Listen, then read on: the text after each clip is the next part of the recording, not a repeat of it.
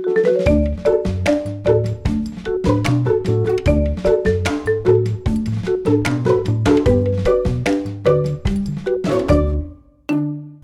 året rapporterade vi från FBIS familjedagar på Aronsborg i Bålsta och fokuserade då på smärta.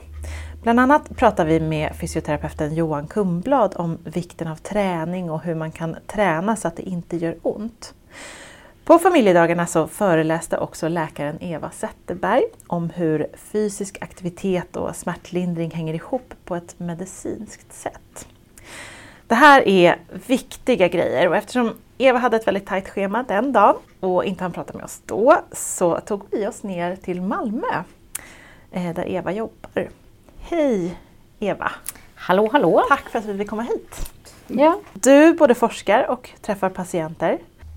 Och innan vi dyker ner i dagens ämne så tänkte jag att du skulle få berätta lite om de här olika delarna av ditt jobb. Eh, om vi börjar med koagulationsmottagningen här i Malmö. Ni tar emot patienter här från hela södra Sverige, stämmer det? Ja, det stämmer. Ja. Berätta lite om patientgruppen. Jag träffar ungefär 160 eh, patienter med hemofili eh, och vi har väl minst eh, 100 till. Och sen så har vi också en barnläkare som bara träffar barn. Förutom det så träffar vi patienter som inte har fått någon diagnos än, som bara har en ökad blödningsbenägenhet. Där, vi, där syftet är att sätta diagnosen. Och dessutom träffar vi personer som har motsatt problem, det vill säga de får tromboser, alltså blodproppar. Så det är lite vad vi gör här i Malmö. Mm. Och det här med din forskning då, vad är det du har fokuserat på i den? Ja, det är en bra fråga. Jag, har, jag är ganska spretig i min forskning. Eh, jag tycker det är så mycket som är intressant. Vad gäller eh, forskning på blödarsjuka så har jag intresserat mig en del om mekanismerna för hur blödningar uppkommer i leder. Och där har jag tittat lite på det här att det bildas nya kärl i lederna när man har fått en blödning. Och att eh, de här kärlen är väldigt sköra och att det är därför man kan få blödning på blödning om man inte behandlar dem tidigt. Sen så har vi gjort en del forskningsprojekt om det här med fysisk aktivitet och hemofili. Ett projekt där vi eh, lät patienter med blödarsjuka träna stavgång och kunde visa att det hade ju väldigt bra effekt för de patienterna. Sen så tycker jag det är roligt med eh, det här lite när man tar faktorkoncentrat. Vad är det som händer i kroppen? Kan man mäta effekten av det på andra sätt än att bara mäta faktor 8 eller faktor 9? Ehm, och det finns eh, globala metoder som vi faktiskt använder oss av nu som gör att vi kan bli lite bättre på att designa behandlingen för den enskilde patienten. Mm. Om vi ska grabba tag nu då i dagens ämne, ledsmärta och fysisk träning hos personer med hemofili. Mm. Vi kan börja med smärtan. Man skiljer ju på akut smärta och på långvarig, mm. eller kronisk smärta. Om vi tar de akuta smärttillstånden först, vilka leder är det som ofta drabbas och vad är de vanligaste orsakerna till att det gör ont? Ja, alltså de leder som oftast drabbas av blödningar är knäleder, fotleder och armbågar.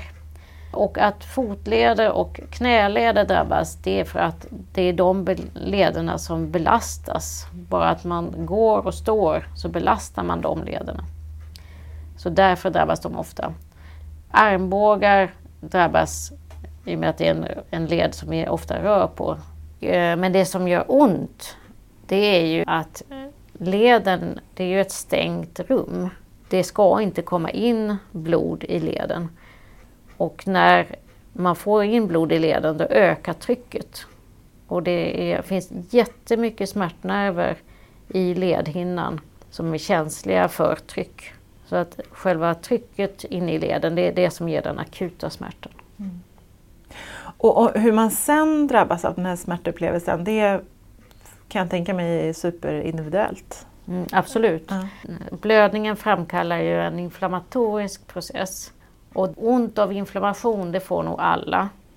Men hur pass ont och hur länge Och hur man upplever den smärtan, det är jätteindividuellt. Okej, men när det händer då, att man Mm. får en blödning, då vet ju alla hemofilipatienter att det gäller att ta en extra dos behandling med faktorkoncentrat. Men rekommendationen är ju också att hålla sig stilla. Hur länge och varför ska man göra det? Ja, det är jättebra att du påpekar det, för det är någonting som vi vet, vi säger det, att man ska göra det. Men jag vet av erfarenhet att det är väldigt få patienter som gör det. För att man måste ju kunna röra sig, man måste kunna gå. Men rekommendationen, den officiella rekommendationen, det är att man ska avlasta två, tre dagar åtminstone efter en säker ledblödning. Och avlasta, det betyder ju gå på kryckor om man har en blödning i knä eller fotled. Var så stilla som möjligt med den leden helt Ja. enkelt. Ja. Lättare sagt än gjort kanske när man har Om man ett har liv, ett liv. som ska levas. Ja. och själva smärtan då, hur behandlas den bäst medan man, ja, medan man sitter där och väntar på att få börja röra på sig igen? Ja, som tur är, det verkar ju som att faktorkoncentrat, det är det som lindrar smärtan för många, bara att få stopp på blödningen. Och det är ju för att så fort blödningen stoppar så minskar du trycket i leden. Räcker inte detta, brukar vi ju rekommendera, då är det vanliga smärtstillande mediciner. För de som har profylaxbehandling nu, de allra flesta får ju stopp på blödningen efter en eller två doser. Så smärtan blir aldrig så svår så att man måste ta smärtstillande. Det händer men det är inte jättevanligt. Men då och där eh, brukar vi väl vara lite sådär restriktiva att visst, ta två Alvedon om det gör jätteont. Men att börja med väldigt starka smärtpreparat, där är risken för tillvänjning jättestor. Och även riktigt starka preparat, alltså morfinliknande preparat, har inte särskilt bra effekt på sån här akut smärta. När rekommenderar du steroidinjektioner då? Ja, det är ju en an, lite annan situation. Det är när du har utvecklat det som kallas för hemofiliartropati. När du har en kronisk inflammation i leden. Den här inflammationen, det är någonting som kommer oftast efter upprepade blödningar. Och det, tar några, det tar flera år innan man utvecklar det för, för hos de flesta. Men har man det så har man en, en kronisk inflammation och den kan gå lite upp och ner. Det vet vi inte riktigt vad som styr, men man kan få liksom skov av inflammation. Då leden svullnar och det kan vara jättesvårt att veta om det är en blödning eller om det bara är inflammation. Men är, det en, är man eh, relativt säker på att det här inte är en blödning och det gör jätteont, då kan man överväga steroidinjektion. Men man ska veta, det är inte helt ofarligt. Eh, Vi kan tänka oss att ge behandling kanske en gång, sådär, kanske två. Vad kan hända? De studier som finns, de finns ju inte på hemofili tyvärr. För det är, det är alldeles för svårt att göra studier på, det är för få patienter helt enkelt. Men det finns de som har vanlig artros och får upprepade steroidinjektioner. De förvärrar sin artros och brosket försämras. Att få det direkt i leden, så det klarar inte brosket. Men sen går det att tömma ut blodet också, eller hur? Mm. Och det har historiskt använts väldigt mycket. För det var den enda behandling man hade innan faktorkoncentrat fanns. Då blev ju blödningarna jättestora och det var otroligt smärtsamt. Som tur är så behöver vi inte använda det så ofta och vi är lite mer försiktiga. Risken, om man ska tömma ut blod, är ju risken att man förvärrar blödningen genom själva ingreppet. Men har det av någon anledning blivit en, man kan tänka sig till exempel efter trauma om man har slagit till knät ordentligt. Eller som vi också, som inte inträffar så sällan, att en person som har mild hemofili, som inte tar regelbunden profylax och inte själv kan ge sig någon behandling. Om, om en sån person råkar ut för en skada och får en blödning i leden, då kan den bli väldigt, väldigt dramatisk. Så att man blir tvungen att tappa ut för, bara för att kunna smärtstilla. Du var inne på det tidigare, att det är inte så lätt att ställa diagnos. Det kan ju vara svårt till och med för läkare att, att ställa diagnos utan att göra ett ultraljud vad jag har förstått. Mm, absolut. Är, är ultraljud idag en mer eller mindre standardundersökning? Det? På sjukhus ju, finns ju alltid ultraljud men att eh, på ultraljud avgöra om det är inflammation eller blödning det är väldigt svårt. De personer som är specialiserade på hemofili och är vana att träffa hemofilipatienter de kan ofta göra det. För de, de, de får frågeställningen så pass ofta och det finns specifika tecken där som man kan avgöra det på. Men de är ju svåra att få till akut. Och vi pratar till exempel sjukgymnasten på Karolinska, han är jätteduktig och kan, kan göra sådana ultraljud. Men han är ju inte i tjänst dygnet runt. Och de här blödningarna, frågeställningen uppkommer ju ofta akut. Och går man på, till sitt vanliga sjukhus så är det inte säkert att den läkaren som råkar vara i tjänst då klarar av att göra den bedömningen. Okej, om den här inflammationen inte upptäcks då eller inte behandlas alls, då finns det risk att inflammationen blir kronisk? Det kan man säga. Varför, varför då? Vad är det som händer? Man kan väl säga att det blir som en ond cirkel helt enkelt. Den inflammatoriska processen den sätts igång kan man säga av blodcellerna själva. I blodet finns ju inte bara röda blodkroppar utan det finns vita blodkroppar också. Och då är, de är ju jättebra när de är i själva blodbanan när de ska fightas mot bakterier. Men i leden har de inget att göra. Och de här vita blodkropparna de innehåller en massa väldigt potenta substanser, enzymer, som om de här aktiveras och släpps ut i leden så förstör de till exempel ledbrosket. Och de startar processer i ledhinnan så att den blir alldeles icke-fungerande, den blir svullen och det ser ut som en inflammatorisk process. Och den underhåller sig lite sig själv. För att i inflammation, en del av den processen är kärlnybildning. Det är ett liksom normalt svar när man ska läka en skada. Men i leden hör den inte, där ska den inte vara. Utan som jag var inne på innan så eh, bildas det nya kärl inne i ledslemhinnan. Och de är sköra och kan gå lätt sönder. Och då blöder det ännu mer. Så man kan säga att det är själva blodet som är den värsta fienden. Hur vanligt är det att ha kronisk smärta skulle du säga? Eh, det beror ju såklart på hur man ställer frågan och hur man definierar det. Det finns en del studier som har eh, gjort det. Det finns en portugisisk studie som är ganska ny och det finns några som är gjorda tidigare. Men svaren är lite oroväckande. Man får svar på att mellan 60 till faktiskt 80 procent av personer med blödarsjuka har daglig smärta. Och på barn var det mellan 30 och 40 procent. Och det är mycket. Sen hur pass kroniskt det är, är svårt att... Men daglig smärta. De frågade också om personerna var nöjda med sin smärtbehandling. Och då var det bara 40 procent som var nöjda med den. Vad tänker mm. du om de här siffrorna då? Jag tänker det att när vi träffar blödarsjuka så är de flesta nöjda med sin... De som har svår blödarsjuka och får faktorpreparat, de är nöjda med att de inte får så mycket blödningar och att eh, preparaten funkar bra för dem.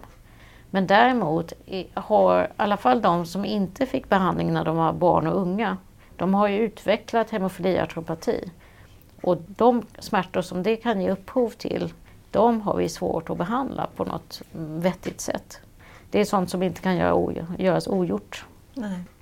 Det låter inte som, som särskilt roliga siffror alls i och med att smärta påverkar ju hela ens livssituation förstås. Mm. Det är sant. Och det är här vi har möjlighet att förbättra saker och ting. Det, men det är med smärta, som du var inne på tidigare faktiskt, att den här upplevelsen av smärta är så individuell.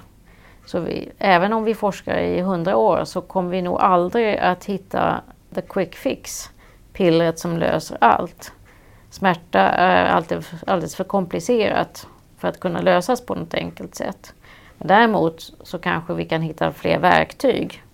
Jag har bara nämnt medicinsk behandling men det är ju bara en av många verktyg i smärtbehandling som vi har.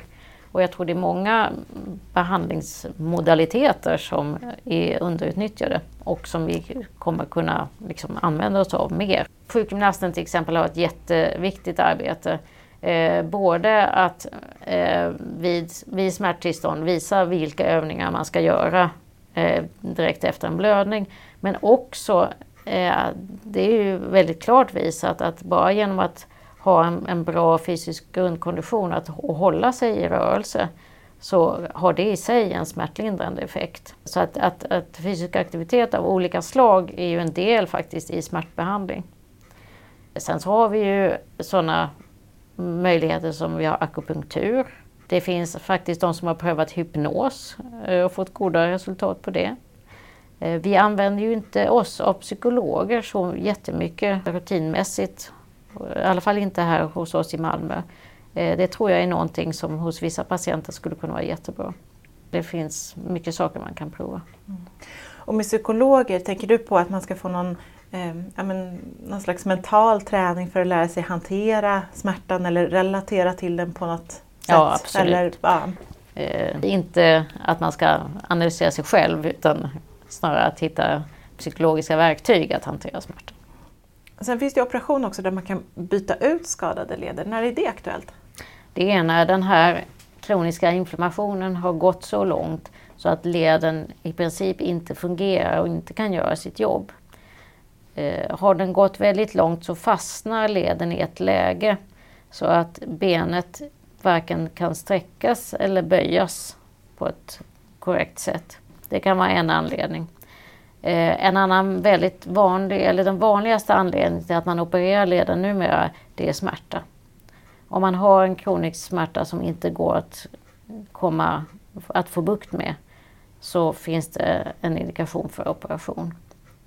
Det man ska veta bara det är att eh, det här är stora operationer och de kräver lång rehabilitering efteråt.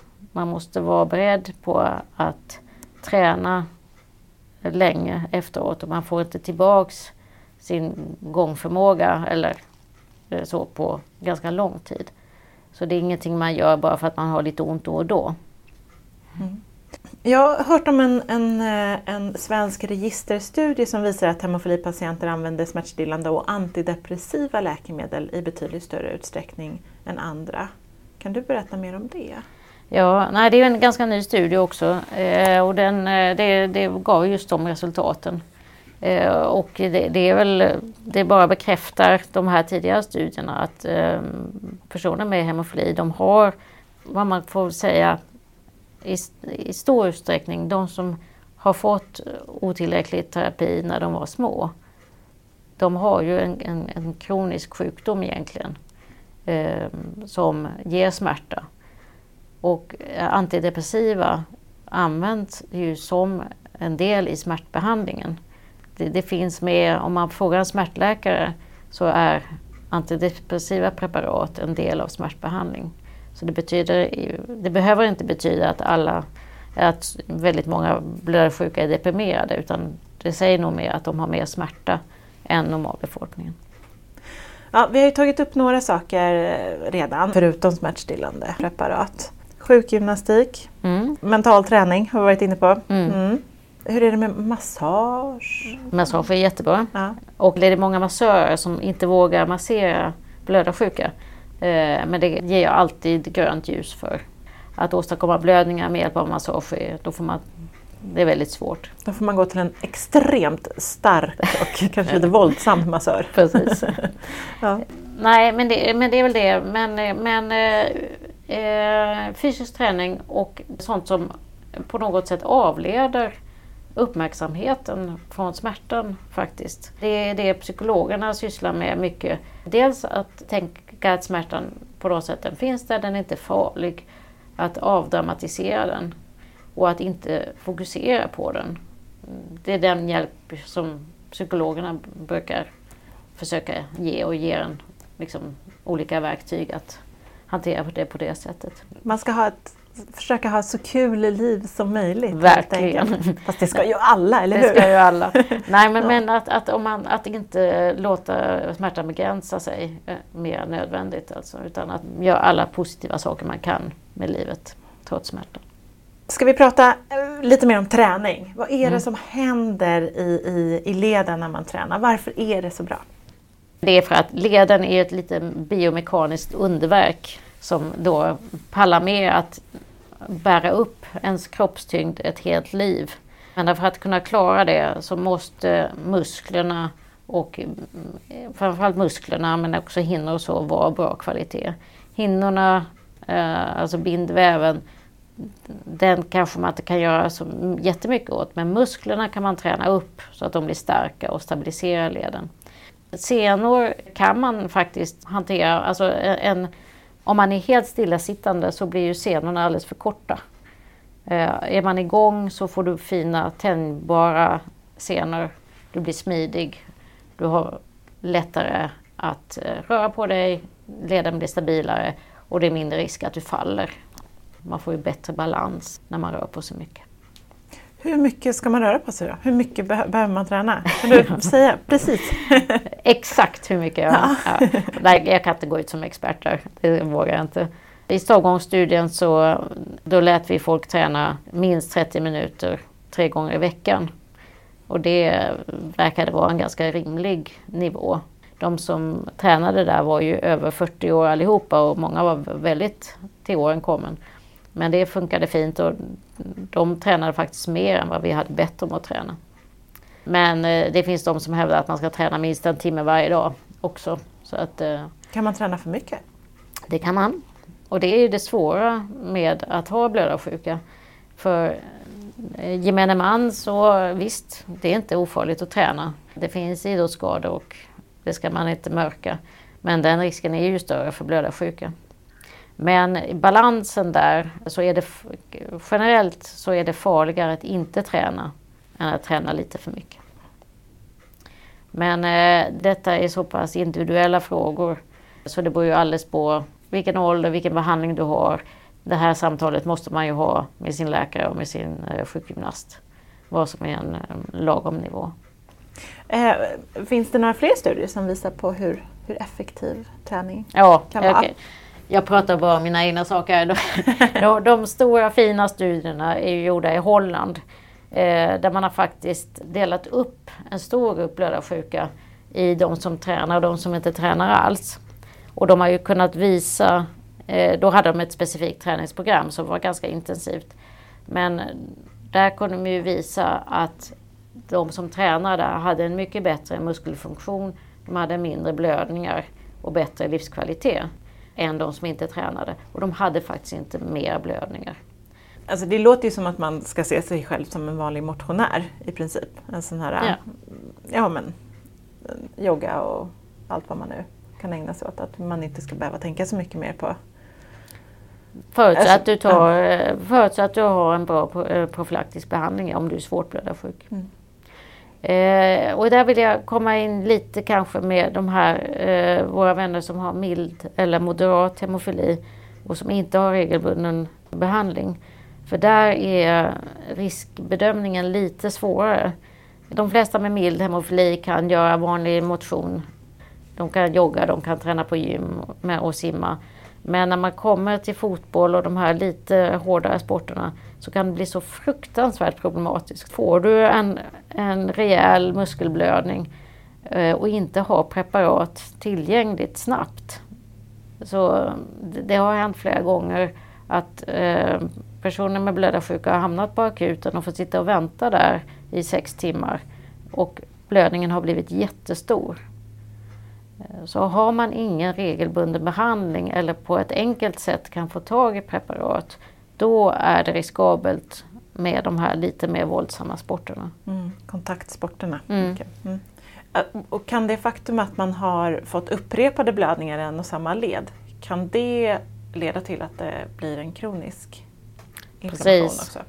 Det är det, eh, oavsett om det är en skada som man fått vid fotboll eller om det är spontana blödningar. Får du flera blödningar i en led så är det mycket högre risk att utveckla den här kroniska inflammationen. Fysioterapeuten Johan Kumblad han berättade ju i avsnitt 18 om vilken sorts träning som är bra. Du kanske också kan ge några exempel? Mina favoritsporter det är ju de lågintensiva sporterna som är skonsamma för leder.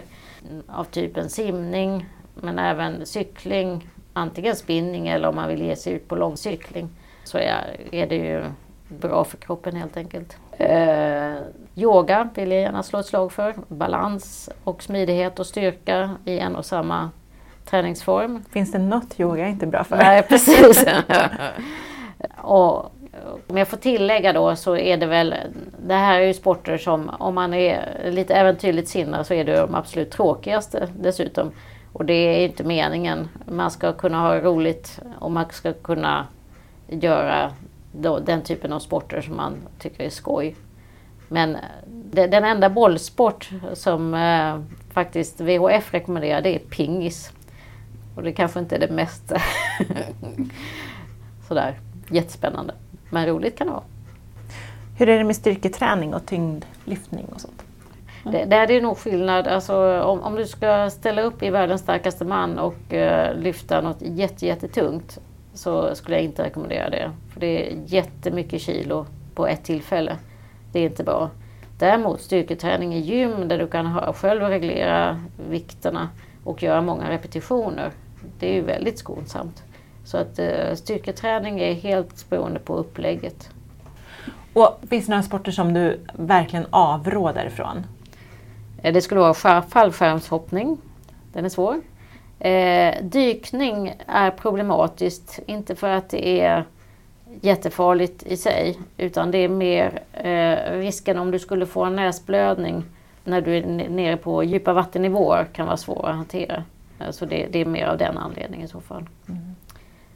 Ridning, den, den är väldigt svår. Jag skulle väl tycka att eh, rider man så ska man se till att man har väldigt goda faktornivåer. För där är det inte bara du själv som är lite oförutsägbar utan det är även ett djur. Det är väl en av de farligare sporterna skulle jag säga. Mm. CSL Bering gjorde ju tillsammans med FBIS, alltså Förbundet blödarsjuka i Sverige, en enkätundersökning där man bland annat frågade patienter hur de tyckte att de bemöttes av vården. Och då var det bara en dryg tredje, drygt en tredjedel som svarade att de tyckte att de bemöttes bra. Framförallt så handlar det då om smärtlindring. Mm. Vad tänker du om den siffran?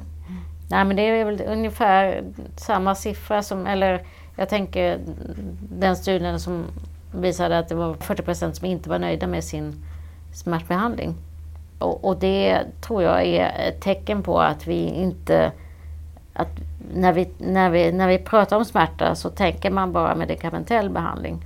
Att vi inte har tagit in det här att vi måste använda oss av andra modaliteter också. Och att vi är lätt att, ja men du har redan full smärtbehandling, vi kan inte ge något starkare för då klarar du inte av din vardag. Och så stoppar man där. Utan att man måste tänka lite mer utanför boxen för många av patienterna. Och kanske också att man inte tar sig tid att tänka individuellt. Det tar ju mycket längre tid att sätta sig ner och prata om när har man smärta, i vilka situationer. Det, det, det är tidskrävande och jobbigt men det måste du få vara. För jag, jag tror att ehm, för att komma till rätta med smärta, det kräver mer än den halvtimme som vi har för att träffa patienter när vi, när vi ser dem. Utan där krävs ett mycket längre samtal. Om det ska vara av läkare eller sjukgymnast eller sjuksköterska. Det men eh, det, det krävs eh, tid med patienten. Jag vet att det finns önskemål att eh, till exempel de olika professionerna inom vården, alltså ni doktorer, sköterskor, fysioterapeuter, skulle kunna samverka mer när det handlar om patienternas smärta. Hur ser du på det? Det tror jag är helt nödvändigt. Smärta, det är inte alltid det kommer som högsta prioritet. Eh, vi är fortfarande väldigt fokuserade på behandlingen för att förhindra blödningar. För det är så centralt för de blödarsjuka. Jag tror att vi skulle kunna göra ett bättre jobb och ha upp det som en, en eh, liksom punkt som vi alltid går igenom och som vi diskuterar gemensamt.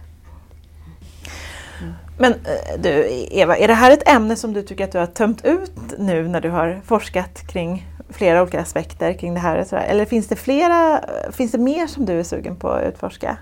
Ja, eh, jag, jag, tycker vi, vi har liksom inte den här effekten av eh, fysisk aktivitet eh, vad gäller på blödarsjuka. Det, det hade jag gärna velat fortsätta med. Eh, för där, där finns det många, många aspekter som vi inte har svar på än.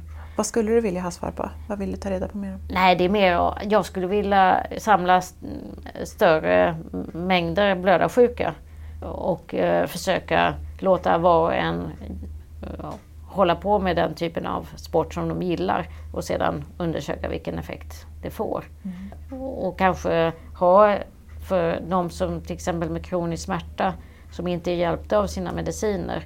Där skulle jag gärna vilja starta så att vi kunde ge, ha ett, ett specificerat träningsprogram så folk skulle kunna komma hit och gå igenom det och så eh, utvärdera. Som det nu är så kan jag tycka att eh, den typen av forskning som har chans att ge direkt hjälp till de personer som är inblandade är den som, det som ger mig mest. Eh, våra blödarsjuka har genom åren ställt upp jättemycket som försökspersoner bara för att vi ska få reda på mycket om sjukdomen. Men där själva deltagandet inte har hjälpt dem själva så mycket. Men jag tycker kan man göra forskning som har chans åtminstone att vara någonting bra för de blödarsjuka så tycker jag det skulle kunna vara roligt att göra. Ja, men då efterlyser vi forskningsmedel till det nu, här, eller hur? Det låter jättebra. Ja.